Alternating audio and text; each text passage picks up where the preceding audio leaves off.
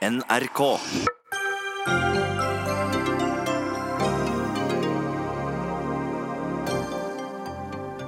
Omsorgssenter klippet av alarmsnoren til syk 91-åring. Skandale, sier Frp-politiker. Ungdom som begår alvorlig kriminalitet bør kunne straffes hardere, sier justisministeren. Feil medisin, mener Barneombudet. Folk er redde for tiggere, innvandrere og skinnvestmotorsyklister, men det er Kollen-publikummet med raske briller og elendig drikkekondis som utgjør den største trusselen, mener poet og sportsidiot. Og NRK sendte omstridt dokumentar med Michael Jackson. Skammelig og rettsstridig, mener advokat Per Danielsen.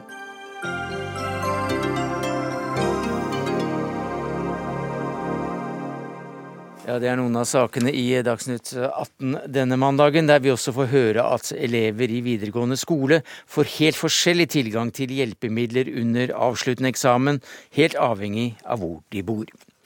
Men vi starter med saken ved Kulatoppen omsorgssenter, der alarmsnora til en 91 år gammel beboer var klippet av og erstattet med en som ikke var koblet til noe som helst. Pasientombudet har mottatt tolv klager på Kulatoppen omsorgssenter de siste tre årene, og vi skal ta en runde på, på, hvorfor slikt skjer, og hva man kan gjøre med det. La oss starte med deg, Britt Lødøen. Det var du som besøkte din mor på, på Kulatoppen omsorgssenter i Vågsøy kommune. Fortell oss hva du så, og hva som så skjedde. Ja, da var jeg på besøk der på ettermiddagen. Og da oppdaga jeg at alarmsnora som egentlig skulle gå til eh, punkt i veggen, den var kobla fra. Og i tillegg så var der ei eh, juksealarmsnor som var binda fast i et annet møbel, som jeg da regna med at de ga henne om natta for å lure henne. Og Da sa jeg ifra til betjening som var på vakt der på ettermiddagen, og de ble ganske forskrekka. De hadde ikke lagt merke til det, fordi at dette her ble bakom møbler. og Det er i grunnen ikke naturlig at du ser det når du er der på dagtid og, og ser mot min mor som satt framme ved vinduet. Dette ble i grunnen i en krok, da. Og jeg ba henne om å si ifra til nattevaktene at min mor skulle ikke være frakobla. For dette her var det stedet hun sov i om natta, at alarmen var frakobla. Og når kvelden kom, så klarte jeg ikke å slå meg til ro med det. Jeg var såpass engstelig og såpass opprørt at jeg valgte å dra tilbake til institusjonen.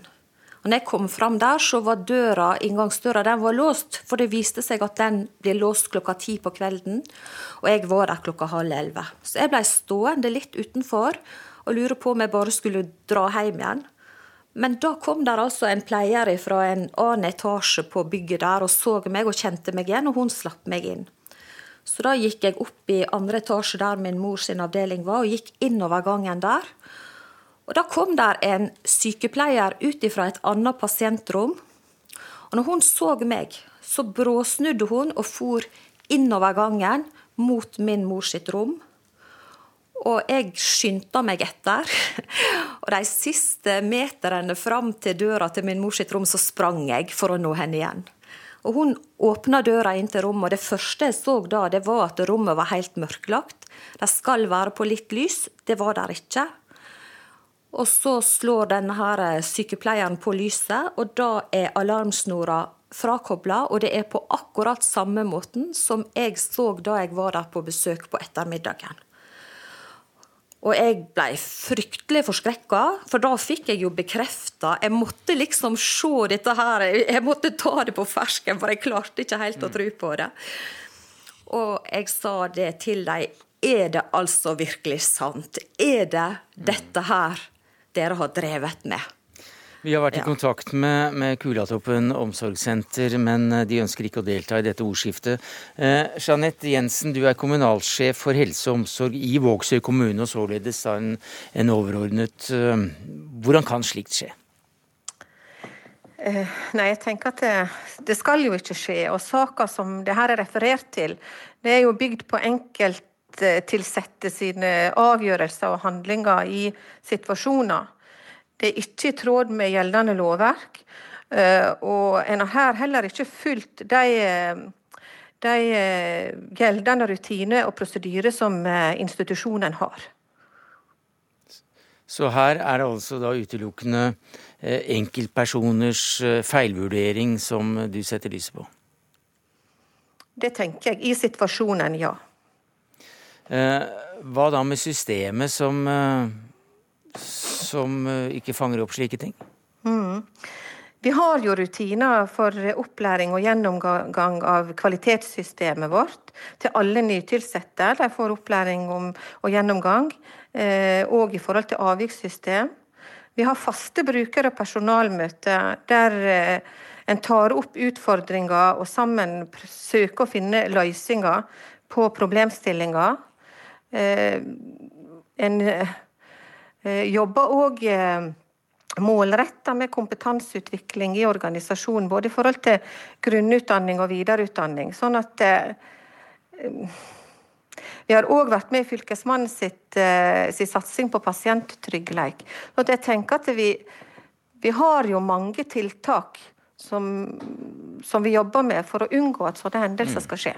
Men eh, det er, det er, jo ikke den, den første, uh, det første tilfellet ved, ved, dette omsorgssenteret. Det er tolv andre klager som har kommet inn de siste tre årene.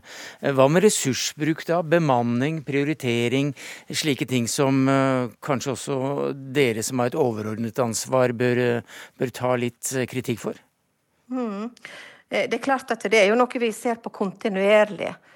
Bemanninga Eh, på, arbeid, på, pleie og omsorg og på den enkelte avdeling. Men så har jeg lyst til å presisere det at i forhold til de klagene som du refererer til, så eh, gjelder jo mange av de henvendelser og spørsmål som er retta til pasient- og brukerombudet, som ikke i seg sjøl har blitt klagesaker. Mm. Eh, formelt så har vi hatt to klagesaker til Fylkesmannen, pluss ei sak som vi håndterte internt. Ja. Britt, Britt Lødøen, når du hører forklaringen her, hva sier du? Sånn som det så ut for meg, så er jo dette her noe som har foregått lenge. Og det er det jeg etterspør hos institusjonen, det er at de får lagt fakta på bordet. For det som skjedde der, det var at når min mor kom på den institusjonen, så var hun først på ei korttidsavdeling. Og Da hadde hun ei alarmsnor som var fastbundet der hun sov, og den ble stadig klipt og skøyta sammen og klipt og skøyta sammen. Jeg bytta den faktisk ut og, og binda fast ei ny snor sjøl og skrev på en lapp 'ikke klipp snoren'. Da trodde jeg at dette handla om at eh, snora var for stram eller for slakk, og at det måtte være noen i personalet som hadde veldig sterke meninger om det. Så kjøpte jeg faktisk ei ny alarmsnor sjøl, og jeg kjøpte karabinlås, for jeg tenkte at jeg skulle lage et, et fleksibelt system for disse her pleierne. For jeg så det som et irritasjonsmoment, og, og at det var så stygt med den klipte snora. Og dessverre med at jeg kjøpte inn den fine snora og karabinlås og lagde et fleksibelt system, så gjorde jeg det altså lettere for dem å koble fra. Mm. Og når det har vært bilder ute i media det, av dette her, så er det snakk om den der frakoblinga. Ja. Så det er jo på en måte to faser. Først klipping, og så er den der frakoblinga som man har sett på bildet. Anita, vi må nesten få inn en som eh, representerer Pårørealliansen her, som leder for, for alliansen, Anita Vatland. Slike historier du hører her, hva er det et symptom på, syns du? Som ofte så er det symptom på to ting eh, når sånt noe skjer en del steder. Det er at man eh, ikke har hørt på ansatte over en tid, eller at man ikke hører og tar tilbakemeldinger fra pårørende. Så det er jo det vi ser går igjen i sånne saker. Grue, Kristiansund, Oslo, Vågsøy. Det er det som er litt symptomatisk. At man ikke lytter? Man ikke lytter, og at man ikke har systemer for å ivareta pårørendes tilbakemeldinger på en ordentlig måte. Her har det altså gått to år. Og Britt sier at hun enda ikke har fått noen ordentlig tilbakemelding på det som har skjedd. Og hun må altså henvende seg til et pasientombud for å få tilbakemeldinger. Hvor er muligheten til å få en strukturert tilbakemelding i tjenesten? Det kunne vært veldig lett ordna med et tillitsmannsapparat som hadde et system, sånn som man har på skolen og tar vare på foreldres tilbakemeldinger på ordentlig måte. Man kan gjøre det samme på pårørendesida. Men eh, jeg lurer på om du kan flytte deg litt nærmere mikrofonen her og, og svare på spørsmålet. Hvem er det da som har ansvaret for det? Det bør ligge til eh, kommunen selv å opprette systemer for eh, individuell tilbakemelding på systemnivå og på individnivå. Altså det å få Pårørendestemmen inn i eldreomsorg er viktig, fordi at mange vil etter hvert ikke kunne snakke egen sak. Det gjelder ikke bare eldreomsorg, det gjelder utviklingshemma, det gjelder barn, eh, funksjonshemma. Altså man må ha et eh, forum for å nå inn og få systematiske tilbakemeldinger. Den som har ansvaret for det, det er altså f.eks. Eh, en kommunalsjef for helse og omsorg i Vågsøy kommune, Jeanette Jensen. Det stemmer. Det er klart at det er mitt ansvar. og jeg har bare lyst til å si at Vi har pårørenderepresentant på institusjonen. Men eh, det er klart at det er sånn som hun Britt her eh, forteller, så eh, har, vi har, vi fortsatt en jobb å gjøre. Eh, og det i forhold til både kommunikasjon, i forhold til medvirkning, involvering og samarbeid med både brukere og, til, og pårørende. Eh, og vi må lage oss enda bedre prosedyrer, og vi må eh, lage oss systemforsikring system for sikring av at sånne, sånne episoder ikke skal oppstå igjen. Og jeg kan nok en gang bare beklage overfor Britt den håper jeg, Eh, altså, den mangel på imøtekommenhet som hun, eh, og samarbeid som hun har opplevd, det, det må jeg bare beklage. Mm. Åshild Brun Gundersen, eh, jeg har lyst til å ta inn det politiske nivået her, for du er medlem av helse- og omsorgskomiteen på Stortinget for Fremskrittspartiet. Er dette et snakk om, om ressursbruk, prioriteringer og, og, og manglende ressurser? Nei, Dette er snakk om kommunal prioritering. Eldreomsorg er en kommunal oppgave, kanskje den aller viktigste oppgaven en kommune har. Og Dette vil jeg definere som en skandale. Alle pårørende og innbyggere skal være trygge på at når de kommer inn på et omsorgssenter eller sykehjem i kommunen, så skal de få trygg og god behandling der. Dette er et eksempel på en dame som ikke har fått det. Og Jeg vil jo gjerne skryte av Britt Lødøen som pårørende her som har sagt ifra, ikke akseptert denne behandlinga av kommunen. Og det er riktig, man skal her reagere. Og når jeg hører kommunalsjefens svar eh, om prosedyrer og systemer, så oppfatter jeg dessverre at dette tar ikke kommunen seriøst. Den, er, det riktig? Er, det, er det riktig? Jeanette Jensen? Nei, det er det virkelig ikke. Det er klart vi tar det alvorlig. Og Disse sakene ligger jo litt tilbake i tid. og vi, Det har vært hos Fylkesmannen, og Fylkesmannen har sagt noe om hva vi må gjøre for å jobbe med forbedrings- og læringsarbeid. Og det har vi igangsatt eh, i fjor. Men Brun Gundersen, har ikke, har ikke, stortingspolitikere og regjeringen et visst ansvar her? Det er de som setter rammene for hvordan slike omsorgsboliger skal drives? Nei, men vi på Stortinget er nødt til å ta et større ansvar, fordi vi opplever at de eldre faktisk ikke får den verdige eldreomsorgen de har krav på av kommunene. Nei, hvis, det penger, hvis, det er for lite penger i kommunene og man må løpe og prioritere fra rom til rom og, og har ikke tid til å nå overalt, er ikke det også et statlig ansvar å legge forholdene til rette for at kommunene kan prioritere det?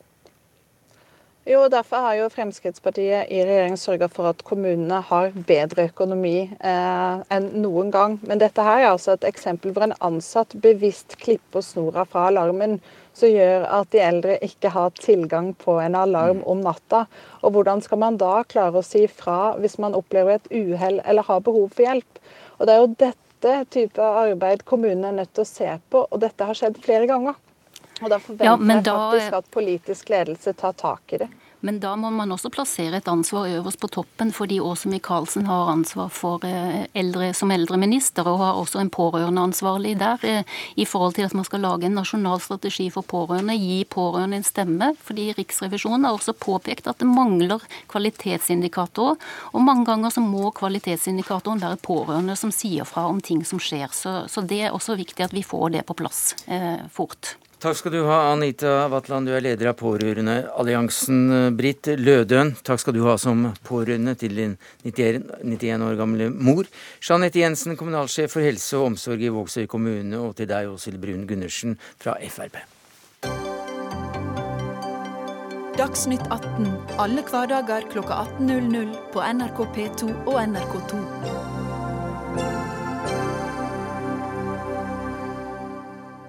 Det var 151 unge under 18 år som ble registrert med minst fire straffbare handlinger bak seg i Oslo i 2017. Den gruppa sto for 37% av de kriminelle handlingene begått av unge i Oslo det året, og nå åpner justisminister Tor Mikkel Wara for å gjøre det lettere å fengsle ungdommer som begår alvorlige kriminelle, handlinger. Eh, Inga Beyer Eng, du er barneombud, og hva synes du om det? Jeg syns jo ikke at det er et uh, egnet virkemiddel nå. Uh, og Bakgrunnen for det er at vi så kort tid siden som i 2014 så var det bred politisk enighet om at terskelen for å fengsle barn skulle være høy. Og det var i tråd med Barnekonvensjonen. Ja, hvorfor er ikke dette en god medisin? Nei, fordi at han går tilbake til der vi alle ville vekk fra. Eh, og hvis jeg skal begrunne det litt nærmere, så var det eh, etter mitt syn to forutsetninger som måtte være på plass for at denne intensjonen om at det skulle være færre barn i fengsel skulle eh, kunne virke. Det ene var at barnevernet på en helt annen måte da måtte spille en rolle overfor disse barna en ofte en vanskelig gruppe å komme i posisjon til. Det forutsetter at de måtte få kompetanse og ressurser til å håndtere denne gruppen, som kriminalomsorgen tidligere tok seg av. Eh, min bekymring er at det har de ikke fått. Og det jeg lurer på, er jo om når man endret loven, hvor terskelen ble hevet, foretok man da en skikkelig konsekvensutredning for å finne ut av hva, hva, hva trengs da av virkemidler innenfor en annen etat enn politi og kriminalomsorg? Dette er da et spørsmål som går til deg og ikke ministeren, for han kunne ikke komme. Men eh, du kunne det, Solveig Horne, stortingsrepresentant i justiskomiteen for Frp. Hva sier du? Nei, Jeg er enig med justisministeren at nå er det på tide å snu alle steiner for å se på hva virkemidler vi har for uh, å møte de ungdommene som uh, begår alvorlig kriminalitet. Vi har sett så store eksempler på at det er grov alvorlig kriminalitet som ungdom begår, og der vi ikke har noe virkemiddel. så er vi enige med, jeg er enig med Barneombudet at fengsel skal være siste utvei for, for disse barna. vi har innført noe som heter en ungdomsstraff. men når vi ser da at det, politiet òg er bekymra for at det tar for lang tid for å følge opp denne straffa. Eh, det egner seg kanskje ikke for de som eh, begår kriminalitet igjen. igjen. Og da mener jeg at for å beskytte både ungdommene mot seg sjøl, og ikke minst òg samfunnet, når det begås eh, alvorlig kriminalitet, så må vi se på om vi skal fengsle flere. Ja, Siste utvei. Eh, og Det er jo det som eh, Horne er inne på. I konvensjonen så står det at det skal være siste utvei. og Det gjør jo at myndighetene er bundet til å lage systemer som fanger opp disse barna før de ender i kriminalomsorgen. Og det er der jeg mener det er, Der har vi ikke bygget opp et godt nok eh, system i dag innenfor barnevernet. Og tilsvarende dette med ungdomsstraffen. Det er jo en god intensjon. Det fungerer relativt bra, men den er absolutt åpen for justeringer og endringer.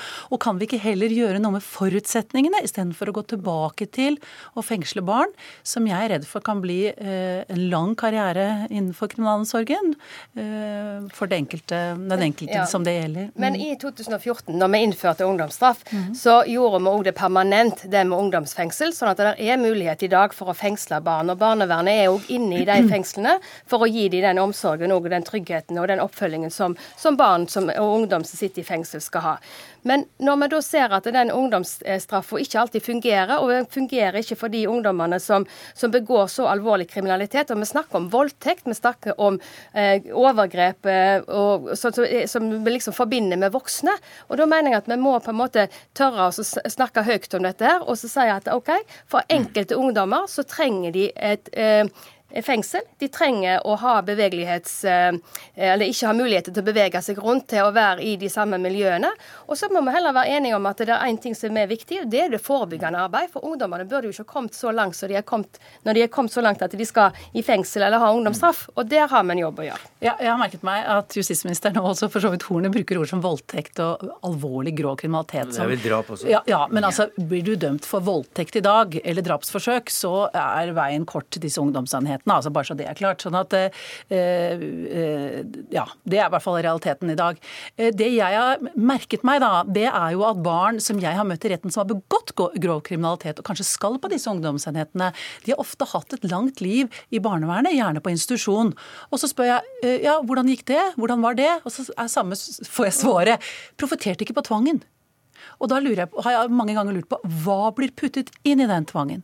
For nå ser jeg også regjeringen ønsker mer bruk av lukkede barnevernsinstitusjoner.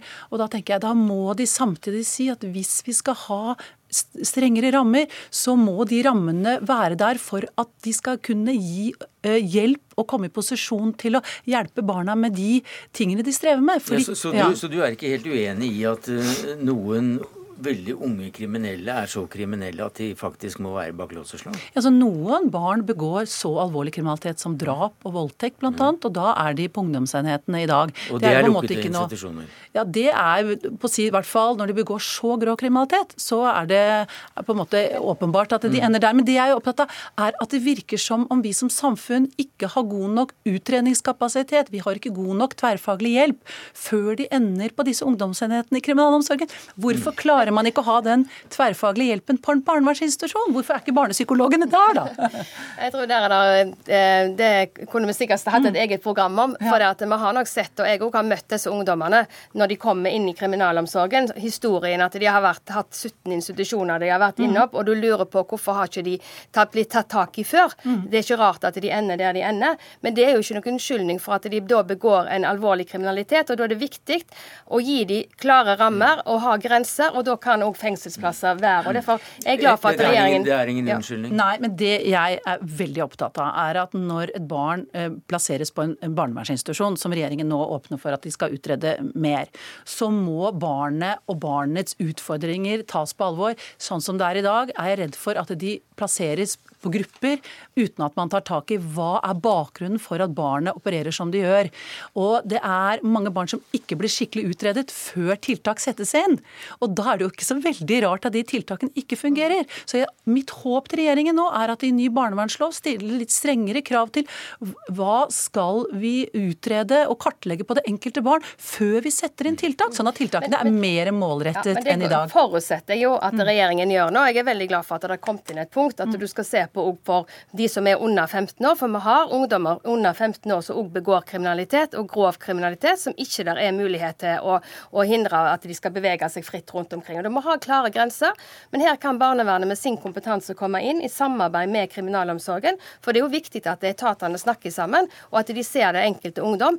Men vi må ikke være så blåøyde og bare tenke at det, de, at barnevernet klarer dette her arbeidet her alene. Og vi må ha reaksjoner for de ungdommene som begår alvorlig kriminalitet. Du blåøyd? Nei, nei, jeg har jobbet 20 år i justissektoren, så blåøyd det, tror jeg, nei, det tar nok litt lengre tid. Men du har jo sett at de ungdommene som du har i din tidligere mm. arbeid, mm. at når de da begår den kriminaliteten, at det er viktig at de får reaksjoner. Og da må vi stille oss spørsmål er ungdomsstraffen sånn som den er i dag, er den men, god nok? Det, men, det, men det jeg også ser som et veldig gjentagende mønster, er at de ikke har fått adekvat og riktig hjelp. Fordi at kriminalitet er et symptom på noe. Og hvis man ikke tar tak i noe, så, så vil det jo ikke hjelpe å, å, sette dem i fengsel. Men det, blir jo et langt liv. Du mener at man bør sette inn tiltak og, og følge opp i, i forkant, slik at man unngår de største problemene her. Men hvis problemet først er der, hva da? Når problemet først er der, ja. og du står overfor grov og alvorlig ja. kriminalitet, så klart da er det mange da som ender på ungdomsenhetene. Og det er jeg helt innforstått med. Men man, jeg... man trenger ikke enda eh, lavere terskel for å, å, å putte folk uh, unge i fengsel? Nei, de barna som i dag er på ungdomsenhetene, det er jo i tråd med gjeldende regelverk. Regjeringen vil jo senke den terskelen. Jo, men det er vel det vi har sett, mm. at det er for høy terskel for å dømme til fengsel. Og det er noen ungdommer som begår så alvorlig kriminalitet at de burde vært lettere å, å dømme til fengsel. Og det er det jeg er glad for at justisministeren nå åpner for oss å se på de, den ungdomsstraffen. Takk skal du ha, Solveig Horne, stortingsrepresentant i justiskomiteen for Frp, og til Inga Beyer Eng, barneombud.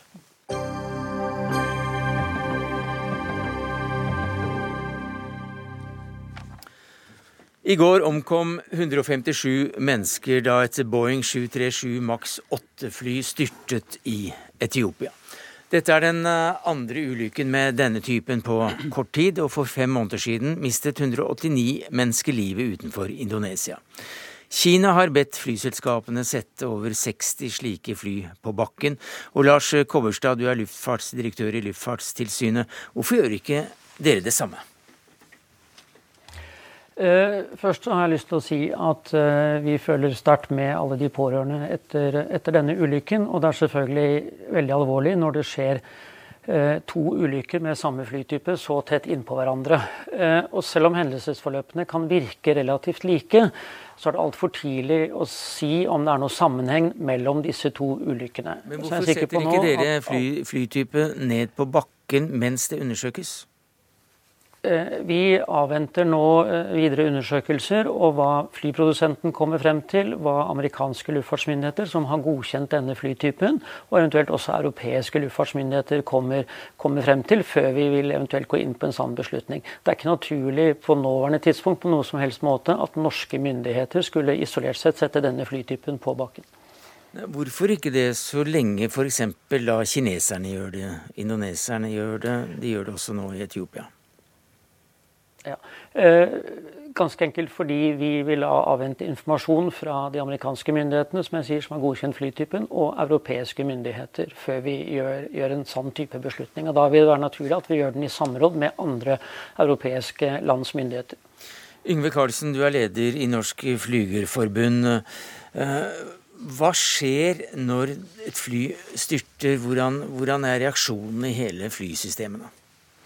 Ja, Først og fremst som Kobberstad sier, så, så, er det viktig her nå mindre enn halvannet døgn etter ulykken å, å uh, ha omtanke for pårørende fra, uh, og familie etterlatt av passasjerer og crew som har omkommet.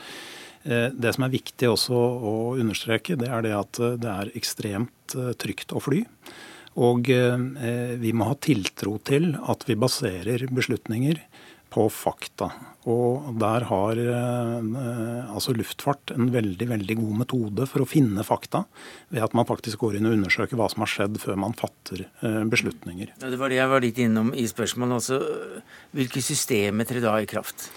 Ja, altså eh, her I dette tilfellet så vil det jo være etiopiske myndigheter der ulykken har skjedd, eh, sammen med da amerikanske luftfartsmyndigheter som har sertifisert flytypen, som går inn og gjennomfører en grundig havarietterforskning der man faktisk finner ut det som har skjedd. Vi kan forvente at det relativt snart vil komme klare indikasjoner på hva dette er. Og basert på fakta da, og ikke eh, frykt eller følelser, så fattes da de nødvendige tiltak. Men allikevel, altså, hva skjedde da under eh, Lion Air-ulykken i Indonesia i oktober? Ja, altså Der har man jo kommet fram til hva det var. Det var et system eh, som, som, koblet inn eh, en teknisk svikt og, og da manglende Eh, kunnskap og prosedyrer for å kunne håndtere det når det skjedde. Og det har jo vært eh, blitt iverksatt tiltak på bakgrunn av anbefalinger fra den havarietterforskningen, slik at denne ulykken ikke skal skje på samme måte igjen. Men den kan ha skjedd, er det det som ligger i ja, altså Det er jo det som ligger i dette med, med, luftfart, at vi spekulerer ikke. Vi finner fakta baserer eh, prosedyrer og, og, tiltak basert på fakta. Så, eh, så, det vil vi ganske snart eh, få en indikasjon på. Men eh, Kobberstad, eh, Toyota tilbakekalte én million biler i fjor etter eh, at det ble oppdaget en mulighet for at de kunne brenne i, i, i motorene. Hvorfor skjer ikke det samme når det gjelder fly? Eh, mye av det samme skjer jo innenfor luftfarten. Man lærer kontinuerlig av de hendelsene og de ulykkene som, som, skjer.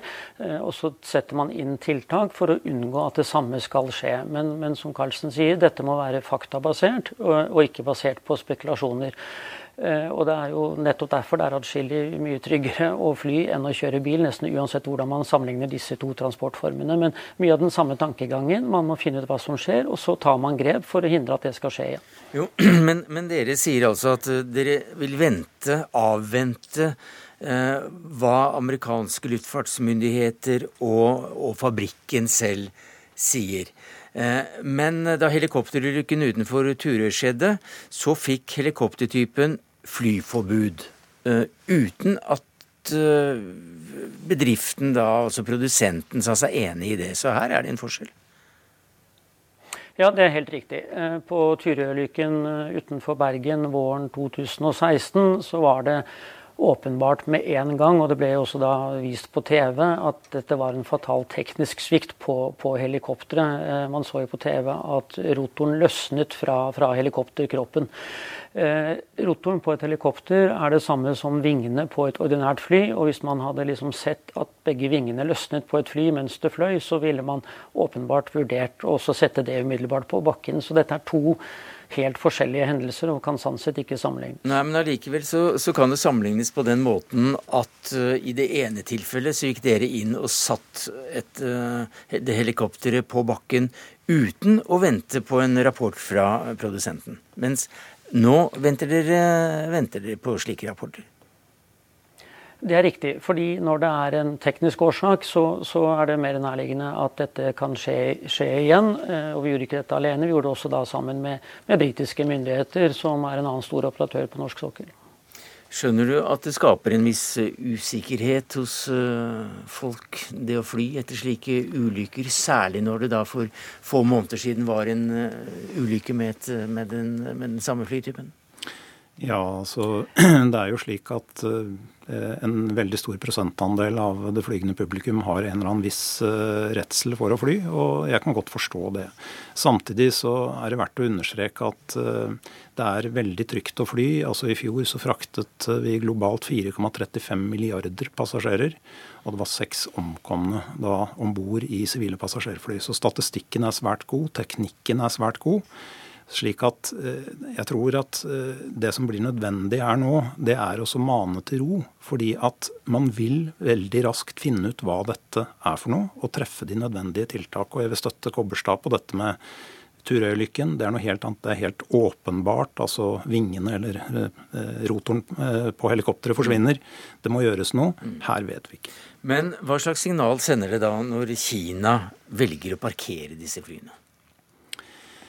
Ja, altså Kina eh, Jeg mener at man her ved å parkere disse flyene fatter en eh, prematur beslutning. Eh, det vil være åpenbart etter noen dager når man vet mer hvilken beslutning som er riktig å fatte om dette skal settes på bakken. Det, det, det er altså 10 000 Boeing 737 hvert tiende sekund hele døgnet i verden så letter en Boeing 737. Er det verdens vanligste ja, det er verdens mest solgte passasjerfly. Det er en veldig god maskin. Men ikke akkurat denne typen, denne siste typen? Ja, Det er jo akkurat det vi ikke vet. Og det er eh, ingenting som tyder på så langt at dette er sammenlignbart. Men vi kommer til å finne ut av det. Det er slik vi har sørget for at luftfart har en god statistikk eh, historisk sett. At vi faktisk finner hva som skjer.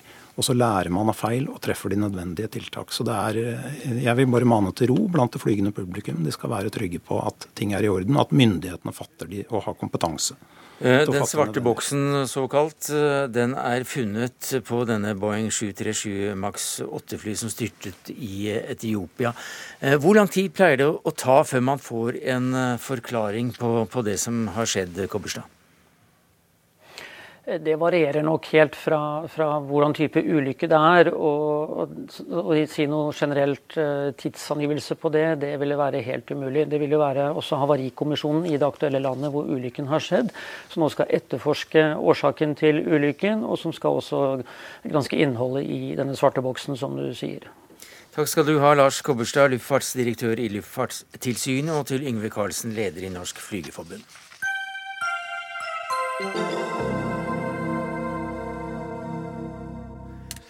I en fire timer lang dokumentar anklages kongen av pop for overgrep mot eh, australieren Wade Robson og amerikaneren James Sefchuk.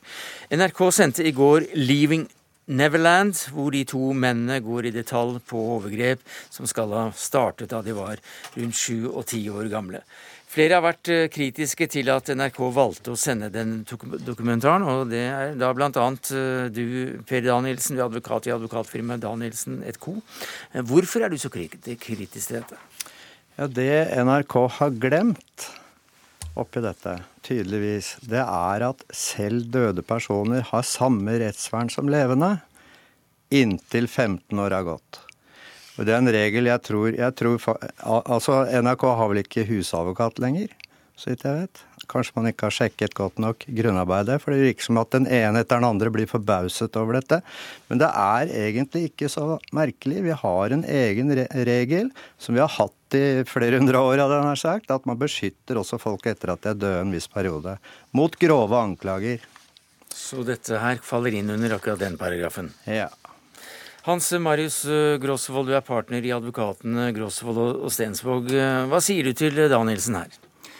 Nei, Det er jo helt riktig det at det er en bestemmelse i skadeserstatningsloven som gir avdøde det samme vernet som eh, levende, men i det så ligger jo nettopp også et poeng. Jeg er nok noe mer skeptisk enn det Danielsen ser ut til å være med hensyn til NRKs ansvar her. Også levende, og altså døde, må finne seg i å bli ærekrenket. Det er ikke sånn at enhver ærekrenkelse eller ytring som er skadelig for omdømmet, er, er, ulovlig. Det er en interesseavveining, en såkalt rettsstridsvurdering, som skal gjennomføres. Og den er ikke jeg sikker på om vil falle så uheldig ut for NRK her.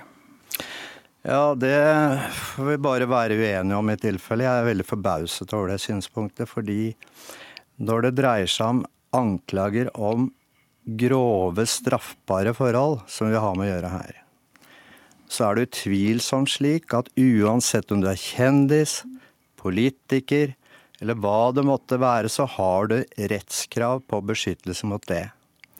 Unntak etter norsk rett finnes hvis du f.eks. blir siktet, eller hvis du er tiltalt. Da har media rett til og lov til og ansvarsfritt å gjengi den type opplysninger. Men her er det bare ville spekulasjoner fra noen individer borte i USA. Da er man langt utenfor grensene. Jeg kan nevne dom på dom på eksempler på at uh, kjente personer har rettsbeskyttelse.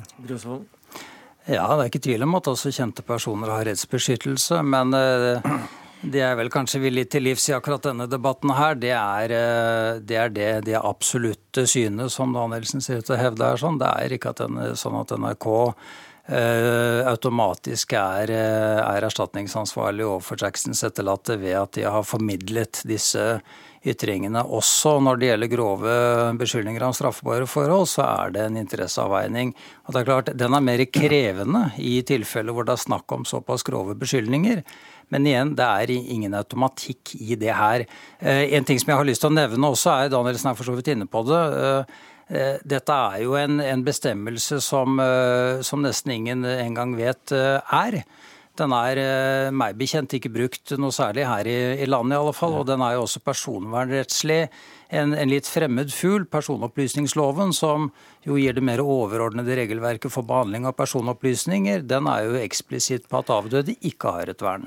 Men jeg må bare smette inn her med at eh, NRKs jurister ikke kunne eh, stille i dag. Eh, så vi har altså jurister i, i NRK, Danielsen. Men sier ikke også loven noe om at hvis det er sterke allmenne interesser, jo, jo så kan man uh, vurdere det litt annerledes. Men etter... Og er ikke dette en såpass offentlig uh, person og at man har en allmenn interesse av å vite hva som har foregått? Nei, offentlige personer har også samme rett til å bli betraktet som uskyldige inntil det motsatte er bevist. Det er en rettighet alle mennesker har. Og Det er derfor media i Norge bestandig har respektert det samme. Dette er et unntak fra sånn som media alltid har opptrådt ordentlig og skikkelig og redelig i alle år. Og fordi det er en person som er død, så bommer man på jussen og tror at da kan man bare kaste seg over den som en annen gribb. Det, det, er jo fristende å, å, stille Danielsen eh, spørsmål som handler da om andre personer. Mener Danielsen f.eks. at NRK er ansvarlig overfor, da, for å ta en levende person, Donald Trump, som omtrent daglig eh, anklages også for svært grove både straffbare handlinger og erstatningsbetingende handlinger. Er NRK og andre kringkastere ansvarlig på samme måte ved, ved, omtale av dem, eller er det ikke også sånn at den, som da programlederen er inne på, at den allmenne interessen noen ganger overstyrer det vernet som Danielsen peker på? Jeg tror at når det gjelder politikk, så må man tåle mye mer enn en andre. Politikere er noen rare mennesker av og til, som går veldig langt. Men la oss holde oss til Europa og kjente dommer. Folk flest er kanskje ikke klar over at f.eks. den kjente ytterliggående nasjonalisten Le Pen i Frankrike, altså far til Marie Le Pen, som nå regjerer i det partiet, han har vunnet en jurysak, og domstolen sier liksom med litt sånn slørete blikk, hadde jeg nær sagt, vil helst ikke gjøre det, men de gir han medhold, selv om han står for en eh, spesiell politikk.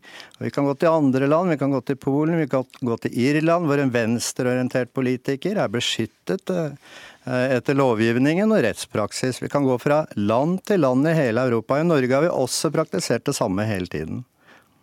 Jeg hørte at du sa at politikere var rare mennesker ofte. Jeg vet ikke om det er æreskrenkende, men, men uansett Nei, det er innenfor. Det er innafor, ja. ja. Vel.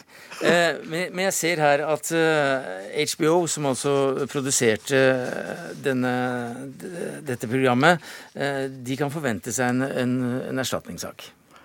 Ja, HBO er jo saksøkt allerede. Mm. Men der har advokatene funnet et ekstra trygt grunnlag. De har jo en kontrakt med HBO som går ut på at de ikke får lov til å omtale Michael Jackson negativt noen gang. Så, det er spesielt. Så de, så de, bruker det rettslige grunnlaget. Men de kunne i USA også kjørt en, en eh, mer ordinær ærekrenkelsessak. Det kunne de faktisk. Men vi skal ikke komme inn på beløpet som eh, NRK eventuelt uh, skylder. Vi får la det være i dag. Men takk skal du ha, Per Danielsen, advokat, Hans Marius Grosvold, også advokat. Hør Dagsnytt 18 når du vil. Radio NRK Radio.nrk.no.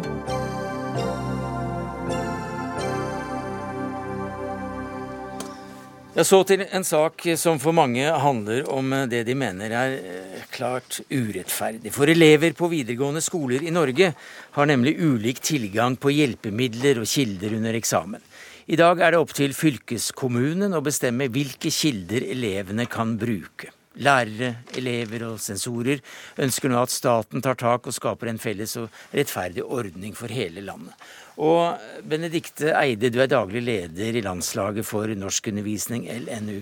Og du er en av dem som reagerer på at elevene har forskjellig tilgang til hjelpemidler i forbindelse med eksamen. Hva er det som er så galt? Ja, Først og fremst er det veldig bra at de har tilgang på felles, eh, de fleste felles nasjonale eh, hjelpemidlene. Men de har også ikke bare tilgang på Nei. det som er felles, de har forskjellig tilgang på andre ting. Ja. Fordi jeg tenker at vi, tilstreber å sikre tillit til eksamen, og da er elevene opptatt av at dette skal være rettferdig. Og da tror jeg også det er viktig at, at, jeg, at de opplever at det er lik tilgang til nettbaserte hjelpemidler. Ja, hva snakker vi f.eks. om? Eh, ja, et eksempel kan være A-tekst, eh, som er da en, en nettbasert eh, søkemotor for alle ulike avisartikler. Og da vet jeg fra Akershus fylkeskommune, hvor jeg er lærer og underviser på videregående, der har vi tilgang til A-tekst på eksamen. Og det har de også i Vestfold, men det har de f.eks. ikke i Trøndelag. Mm. Så hvis du får en, en eksamensoppgave f.eks. om å analysere en bok eller gi karakter etc., så kan, kan, du gå til Atex og så kan du få anmeldelsene der ja. fra alle landets aviser. Det kan være et godt eksempel. Hvis du bor i Akershus, men ja. hvis du bor i Vestfold, så får du det kanskje ikke? Nei. Det er, sånn det, det, det er, noe som kan skje. Absolutt. Iris Wisman, du er prosjektleder i Utdanningsetaten i Oslo. og Du leder gruppen som i fjor utarbeidet den nasjonale felleslista over tillatte nettsteder under eksamen. Det høres jo utrolig urettferdig ut, da? Ja, det kan jo diskuteres. Eller hva syns jeg syns, jeg syns at det ikke går an å få det noe særlig likere enn det det er nå for elevene. Hvis du f.eks. Eh, kan få tilgang til A-tekst, eh, altså denne databasen ja. som, som, gir deg tilgang til alle avisartikler? Ja, ja da, men du kan si at det, det, som når du går opp til eksamen, så er det, er det ikke nettressursen som skal gi deg svaret på eksamensoppgaven. Det er jo du som eksamenskandidat eh, eller som elev tidligere, som skal ha brukt og blitt kjent med de eh, nettressursene du kan bruke på eksamen, og så skal forberede deg på den måten. Så det som eh, bestemmer resultatet ditt, kan ikke være hva du har tilgang til på nettet den dagen du er oppe til eksamen. Eh, dessuten så har eh, alle den lista som de har tilgang på, relativt mange ressurser eh, som kan kompensere eventuelt for den av tekst. Nei, Jeg er helt enig med deg i det. Eh, at eh, på en eksamen som varer over fem timer, så er det veldig begrenset hva elevene har mulighet også til å sitte og lete i eh, av ulike kilder. Så jeg tror at det viktigste her er prinsippet. At elevene må få oppleve og få en, et inntrykk av at det er likt for alle. Eh, og det tror jeg er viktig også for at folk flest skal ha tillit til eksamensordningen. Men prinsippet er nå én ting, men en annen ting er jo den direkte nytten du kan ha av en nettside i en fylkeskommune som du ikke har tilgang til i en annen. Ja, men eh, først og fremst så tror jeg som sagt eh, jeg er enig med deg i at det er eh, liksom elevens egne ferdigheter i arbeidet med oppgaven, og, og først og fremst tilgang til de kildene som er eh, tilgjengelige for alle, som er det viktigste. Men hva da hvis, man, hvis du var elev ville du foretrukket å ha tilgang til f.eks. A-tekst, altså alle, alle, artikler som er skrevet om det temaet som du får et spørsmål om? Eller ikke? Altså, jeg tror For det første, når jeg skal svare på den oppgaven, så kan jeg jo ikke skrive av den, eh, den anmeldelsen som er gjort fra før av. Det er jo mitt produkt. Det er jo det jeg jo, jo, Men det er vel ikke alle som sjekker, eh, sjekker det som det? Er, det er jo Altså, når du går opp til eksamen, så er det jo tre ting du ikke har lov til. Det ene er å samarbeide med andre. Det andre er å kommunisere med andre. Og det tredje er plagiat. Å skrive av. Og hvis du har skrevet av noe, Eh, så skal sensoren kunne bruke en plagiatkontroll som, eh, eh, som, finner ut det mm. ganske fort at her er det faktisk ikke elevens produkt. Og da får du karakteren igjen. Ja. Marte Akselsen, du er avdelingsdirektør i Utdanningsdirektoratet. og Nå er det jo slik at dette er på nasjonalt nivå. altså Hva du får tilgang til av nettsteder under eksamen, ja det bestemmer f.eks. fylkeskommuneøkonomien.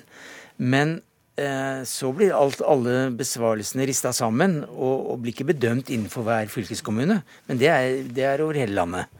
Uh, og du har ansvaret for å gjennomføre over én million prøver og eksamener i året. Hva sier du til dette? her? Det som er viktig her, er at vi forstår jo selvsagt at elever kan oppleve det som urettferdig hvis du har en kusine i en annen fylke som, eh, som har tilgang til andre hjelpemidler. Jeg trenger ikke å være men, elev for å oppleve det. Eh, nei, men det som aller aller viktigst, er at rettferdighet, eh, rettferdighet er ikke det samme som likhet. Og det som er viktig, er at elevene skal gjenkjenne eh, opplæringen sin når man kommer til eksamen. En elev som ikke kjenner til disse hjelpemidlene, eh, har heller ikke noe utbytte av det til eksamen. Så vi understreker jo at det er viktig at elevene har fått, får bruke de hjelpemidlene som de er vant til å bruke i opplæringen. Og jeg vil si også eh, noe som er veldig viktig, at vi ikke diskuterer eksamen isolert. For dette er elever som går gjennom et opplæringsløp. Eh, det er lokal handlefrihet i, i norsk skole. Og eh, fylkeskommunen, skolen, skal legge opp opplæringen etter læreplanen selvsagt, og forskrift til opplæringsloven, men til sine lokale behov, og ikke minst i den elevgruppen de har. Jo, men uh, allikevel. Når det kommer til eksamen, så er det karakteren som spiller noen rolle for de fleste av, av elevene, ikke sant? Og er det ikke da slik at hvis du har tilgang på flere nettsteder som er veldig relevante og adekvate og hva som helst for eksamensbesvarelsen, ja, så har du en bitte liten fordel? Altså, Jeg skal ikke si at man ikke har en fordel, for det vet vi for lite om. Eh, men, du, men du, vi vet for lite om, må, det, må vi undersøke nei, det? Det vi vet noe om, er jo at elever eh, ikke har tid til å bruke hjelpemidler eh, til eksamen. De har tid til å bruke noe, de har tid til å bruke det de er kjent med. Så her må man gå til opplæringen, og så må man se på den opplæringen som elevene har. For eksamen skal ikke være en isolert hendelse eh, utover opplæringen. Benedicte Eide, det virker som det bare er programlederen som er litt opprørt her? Ja, jeg tror at i det store og hele så tror jeg vi er ganske enige om eh, mange ting. Eh, og jeg, tils, jeg tror at eh, hensikten er å tilstrebe størst mulig likhet. Men her har, vel, har vel kanskje også tas, tas det hensyn til at man ønsker en viss lokal valgfrihet. Eh, og de to hensynene er de kanskje ikke alltid så lett å, å forene. Men hvorfor skal det være lokal valgfrihet mellom fylkeskommuner når det gjelder hvilke ressurser elevene skal få dra nytte av til eksamen? Eh, du, der tror jeg kanskje utgangspunktet er at eh, man ønsker valgfrihet i valg av læremidler. Og at en del av de læremidlene faktisk nå er nettbaserte og lisensfinansierte og at, da, at, elevene for at de skal kunne bruke de samme eh, læremidlene og hjelpemidlene på eksamen som de er vant til å bruke i det daglige i undervisningen, så må fylkene da også tilby de tilsvarende hjelpemidlene på eksamen. Er det så vanskelig å tilby alle helt likt, da? Vi har jo litt ulike ordninger, så det er jo eksamener eh, i syv eksamenskoder i år som gjennomføres eh, med åpent internett, altså internett hvor du kan søke fritt eh, også. Ja, men hvorfor, har... hvorfor skal det være fylkeskommunene som skal bestemme hvilke ressurser elevene har til rådighet under eksamen? Jeg trodde at det siden, siden prøvene sensureres nasjonalt, så skulle det også være nasjonale regler for hva du kan bruke av hjelpemidler? Igjen så er det jo sånn at det er kompetansemålene i læreplanen som styrer hva slags eksamen vi har. Og det er ikke sånn at eh, nettressurser eller andre ting styrer det. Så en elev kan godt gjennomføre en eksamen uten noen hjelpemidler i det hele tatt. Eh, og da er det viktig sånn at eleven skal gjenkjenne og bruke de hjelpemidlene han eventuelt har brukt i opplæringen. Ellers så blir det konkurrerende informasjon, og eh, elevene bruker nok mye tid da på å eh, lete seg bort på nett og i andre nettressurser. Ja, Elevorganisasjonen eh, roper vi jo på her. for at eh, De har jo reagert kraftig på det, men eh, de kunne ikke komme. Men eh, Marte Akselsen, du mener at det ikke er nødvendig å gjøre noen ting med dagens ordning? Det er ikke helt riktig, for vi har behov for å modernisere eksamen, som alle andre ting i norsk skole. Også når det gjelder akkurat dette lille spørsmålet som vi tar opp her? Eh, dette lille spørsmålet isolert eh, diskuteres ikke, alene. Nei. Men vi har jo satt ned, eller departementet har satt ned en eksamensgruppe for å se på eksamensordningen eh, over hele linja. Og da tas dette inn? Både, ja, dette tas inn. Det tas opp trekkordninger, det tas opp lengden på eksamen, det tas opp skriftlig eksamen i forhold til muntlig eksamen. Og den gruppa jobber nå og akkurat levert sin første leveranse, som var kunnskapsgrunnlaget om eksamen. Vi får se hvordan eh, det går, men eh, det virker ikke som om dette her er noe særlig stort problem for eh, de tre som sitter her. Det var annerledes når de uttalte seg, disse studentene vi snakket med tidligere. Men takk til deg, Benedicte Eide, daglig leder i Landslaget for norsk undervisning, Marte Akselsen, avdelingsdirektør i Utdanningsdirektoratet, og til Iris Wischmann, prosjektleder i Utdanningsetaten i Oslo.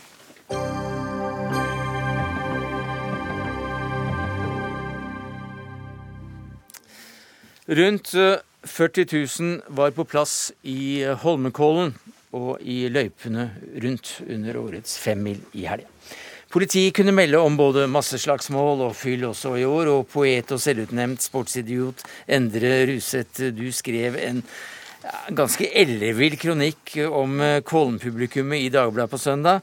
At når vårflommen av møkkfulle menn med raske briller og en skipark vært mer enn en toroms leilighet på Sagene når sentrumsgatene, ja, så hikster narkomane av redsel, barn gråter i sjokk på fortauene, og moskeer skalker lukene.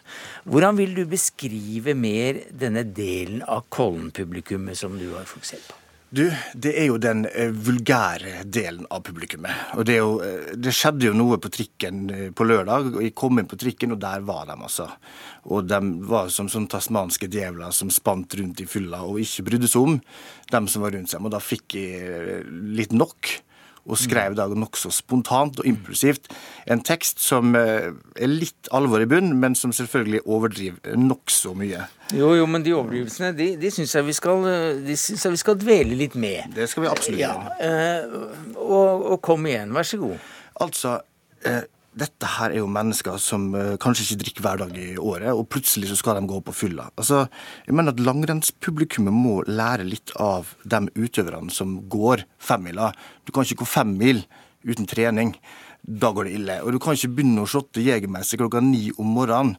Da går det veldig, veldig dårlig, hvis du da ikke har drukket mer enn fem Ringnes Light i løpet av det siste halve året.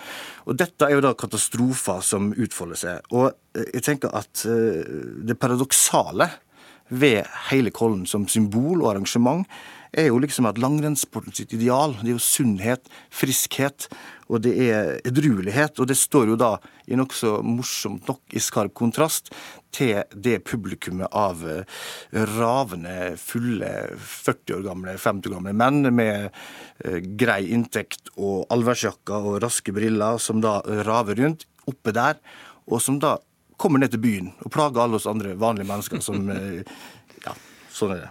Ja, men du, du, trekker også inn, um, inn, at vi er på direktørsjiktet, og det er birkebeiner, og det er veltrente kropper, og det er mye som er uh... eh, Altså, Den delen av teksten den handler jo egentlig om noe litt annet, fordi at det er klart at Kollen det representerer jo mye mer enn bare den type folk. Men jeg uh, så en anledning til å sparke litt oppover og generalisere den lille, rike delen av borgerklassen. Siden så mange sparker nedover og generaliserer svakere grupper i samfunnet, så tenkte jeg nå skal jeg snu det på hodet. Og så ja. Så der har du det. Og Du har også sparket oppover på den måten at vi har fått daglig leder av Holmenkollen skifestival til å komme og svare for seg. Kristin Veskren Sæterøy, du har lest denne kronikken. Hva sier du? Eh, jeg kjenner meg vel ikke helt igjen i publikumsbeskrivelsen, ikke på alle punktene. Men eh, når vi leste det første gang, så ble det liksom Er dette ironi? Og jeg tror mange egentlig tenkte litt det samme. Eh, og så har det jo vært en historie med dette siden mange år tilbake. Mm. Det med fylla i Kollen tror jeg første gang ble skrevet om i 1901. Ja. Så det er liksom ingen nyhet. Og så har det vært jobbet veldig mye med det. Og vi syns jo det er synd at det henger som en sånn stor sak over Holmenkollen. For det har jo vært i helgen et fantastisk idrettsarrangement, først og fremst. Og en stor eh, festival og idrettsprestasjon. Vi skal komme tilbake til det, men la oss ja. gripe fatt i, i alkoholkonsumet og Kollen. Du sa at det var helt tilbake til 1901. Mm. Hvordan omtalte man alkoholkonsumet da? Eh, den gangen. Mm. Drukkenskap og jeg eh, vet ikke hva alle ordene som ble brukt, men eh, det ble brukt ganske interessante ord på det den gangen, som det er blitt gjort mm. også senere. Det var, det, var, det nikkersadelen som fikk gjennomgå den gangen? Nei, det var vel litt kombinasjoner her, tror jeg. og så er det jo ganske stor forskjell på hva som er ute i marka og det som er inne i arenaen. Så, så konsumet ligger jo høyere, betrakter mye høyere ute. Vi, inne har vi jo en helt annen kontroll rundt det. Så, så det er jo en, et interessant fenomen, og det har vært et fenomen i mange, mange år. Mm. Altså, Det er jo liksom et sånt slags strukturelt problem, dette drikkekulturen i Norge, som på en måte utløser slike katastrofale fyllefester som eh, Kollen da er hvis jeg strekte på og stikte veldig høyt. da. Og det er jo det at altså, Vi er jo ikke vant til å drikke alkohol. Og når vi plutselig skal tylle oss så mye, så blir det kaos. Og hvis vi drar til utlandet, til Sakopane, til Planica, så ser vi jo på dette her som sjarmerende. Fulle polakker eller slovenere, det er bare gøy. Mens når du kommer til Norge, så er det jo da det er jo ikke noe særlig pent å se veldig fulle nordmenn i dagslys. Det er jo eh, på en måte en eh, litt ubehagelig følelse. Og det er unger der? Det er unger der, og jeg har hatt eh, flere opplevelser også inne på arenaen i tidligere år som har vært eh, veldig ubehagelige. Og jeg må jo si, eh, selv om jeg er glad i Kollen og har vært der på flere anledninger, at de siste årene nå, i hvert fall før dette året her, så har jeg opplevd og sett ting blant publikum som, som, rett og slett er ufattelig vulgært. Og det er barn der, og det er fulle folk. og det syns jeg er, det er ikke på sin plass. altså Det hører ikke hjemme. Men eh, Så artikkelen har et visst alvor der. Nå vet jeg at det har blitt tatt grep av arrangørene. Og det tror jeg er veldig bra. Eh, og så vet du at media de har jo en tendens til å, til å lage et bilde som kanskje ikke stemmer helt med virkeligheten. Men hvis det er dette her vi vil ha, eh, den festen her, så må vi på en måte akseptere det. For det, er, det en fylle, er det en folkefest for alle, eller er det en fyllefest for de få? Hva skal Kollen være for noe? Du, Kollen skal være en folkefest, eh, og det skal være sikkert og trygt å være i Holmenkollen. Eh, jeg syns jo det er et fåtall som skaper det du nå beskriver og dette fåtallet er eh, ute i marka. Eh, vi har fantastisk mange barnefamilier på besøk oppe i Holmenkollen under disse skirennene, og det skal vi fortsette å ha. Men det var jo så ille at dere måtte flytte starttidspunktet for femmila mange timer framover, slik at man ikke kunne forse på samme måte lenger? Altså I fjor så gjorde vi en evaluering om hva gjør vi nå. Eh, hva syns vi vi skal Hvilke type tiltak er det vi skal se på? Sammen med Sporveien, politiet, Oslo kommune og Ruter har vi gjort et fantastisk arbeid, samarbeid om dette det siste året. og en av tingene vi som arrangør kunne ta tak i, var rett og slett tidspunktet. Nå tror jeg nok at kanskje ikke tidspunktet kommer til å være så tidlig i årene framover, eh, men det var et forsøk for å se hva som vi fikk ut av det. Ja, Var ikke det vellykket, da? Jo, det var veldig vellykket. Vi Hvorfor fikk, kan det ikke eh, ligge der, da? Hvis det bare var altså, det har litt med, altså, Da kommer reaksjonen tilbake fra sporten, som syns det er tidlig. Eh, sporten syns at eh, Altså alle utøverne syns at klokken ti var litt tidlig. Så det optimale ligger nok rundt 11-12, tenker jeg, hvis vi skal se på alle behov rundt, eh, rundt det temaet. Men eh, vi, vi, leser da i denne, denne kronikken i Dagbladet at eh, at du, du, du, vil heller ha X Games og heavyrock-festivaler og, og, slike eh, Folk, evenementer som man er vant til å kritisere for litt utagerende atferd? Altså, disse arrangementene der oppfører folk seg eksemplarisk, for det er folk som har et forhold til å gå på arrangement jevnt over. Og jeg skal love deg en ting, at du ikke ser den samme uh, fyllerøret på en X Games-arrangement eller på en heavyrockfestival. Og det tenker jeg er liksom paradoksalt, for i Norge så vi dyrker liksom langrenn og det sunne og alt dette der. Men jeg bor jo på Tøyen, er jo en del av det nye Norge, som på mange måter eh, altså så syns jeg denne, denne langrennsfesten i Kollen representerer noe som er litt sånn dobbeltmoralsk, eller at det er litt paradoksalt. For de på en måte feirer det norske sunne idealet, men så ender det opp i en fyllefest som eh, sprer seg utover byen. Legge ned hele langrennsfesten, skriver du. Legg det ned. Det var det vi rakk i Dagsnytt 18 denne mandagen. Det er eh, Kristin Westgren Sæterøy som rister på hodet og ikke er helt enig i akkurat den konklusjonen, men takk skal du ha som daglig leder i Holmenkollen skifestival. Takk til Endre Ruset, poet og frivillig sportsidiot, ifølge mine meldinger. Det var det vi rakk, takket være ansvarlig for det hele, Jaran Ree Mikkelsen. Det tekniske ansvaret hadde Eli Kyrkjebø. Jeg heter Sverre Tom Radøy.